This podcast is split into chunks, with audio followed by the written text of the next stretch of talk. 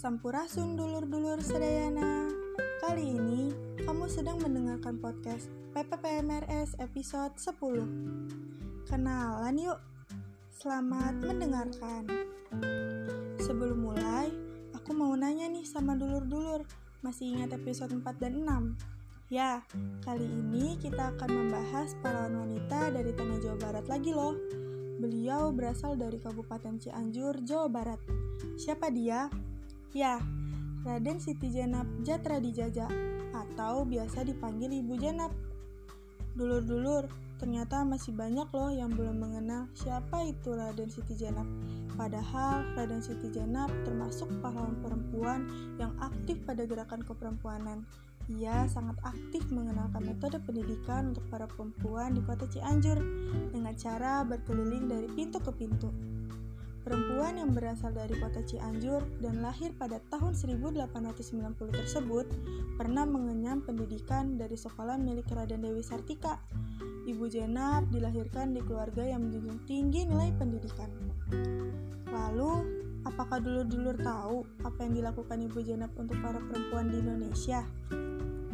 Pada masa penjajahan Belanda silam, Ibu Jenab banyak membantu kaum perempuan untuk mendapat akses pendidikan yang gratis. Bahkan, sebagai keturunan ningrat, beliau tidak gengsi mendatangi satu persatu rumah guna mendampingi belajar agar lebih mandiri. Itulah yang membuat beliau dikenang dan dihormati. Metode yang beliau bawa benar-benar luar biasa untuk mengenalkan pendidikan.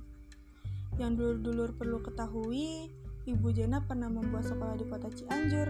Sekolah tersebut berupaya untuk mengenalkan metode pendidikan yang diambil dari sekolah istri milik Raden Dewi Sartika di Bandung. Kurikulum yang diajarkan berupa bahasa Sunda, bahasa Melayu, bahasa Belanda, matematika dasar, edukasi tentang budi pekerti, sampai edukasi praktis untuk para perempuan, misalnya membuat batik serta merenda. Tetapi pada saat mendirikan sekolah tersebut, beliau mendapat cemoohan dan ejekan. Namun, sebagai guru sekaligus pimpinan, beliau tidak menanggapi hal itu dengan serius.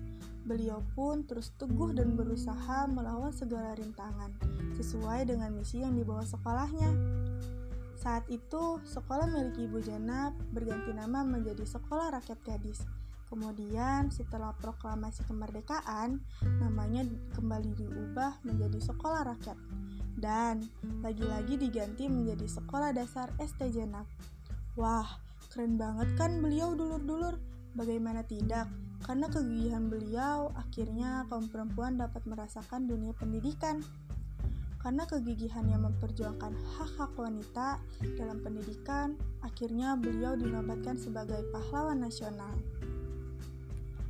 Bagaimana nih dulur-dulur kisah perjalanan Ibu Jenab? Sangat menginspirasi bukan? Oleh karena itu, kita sebagai wanita jangan sampai menyia-nyiakan pendidikan ya. Tetap semangat jalani pendidikan dan jadilah wanita yang memiliki peran di negeri ini.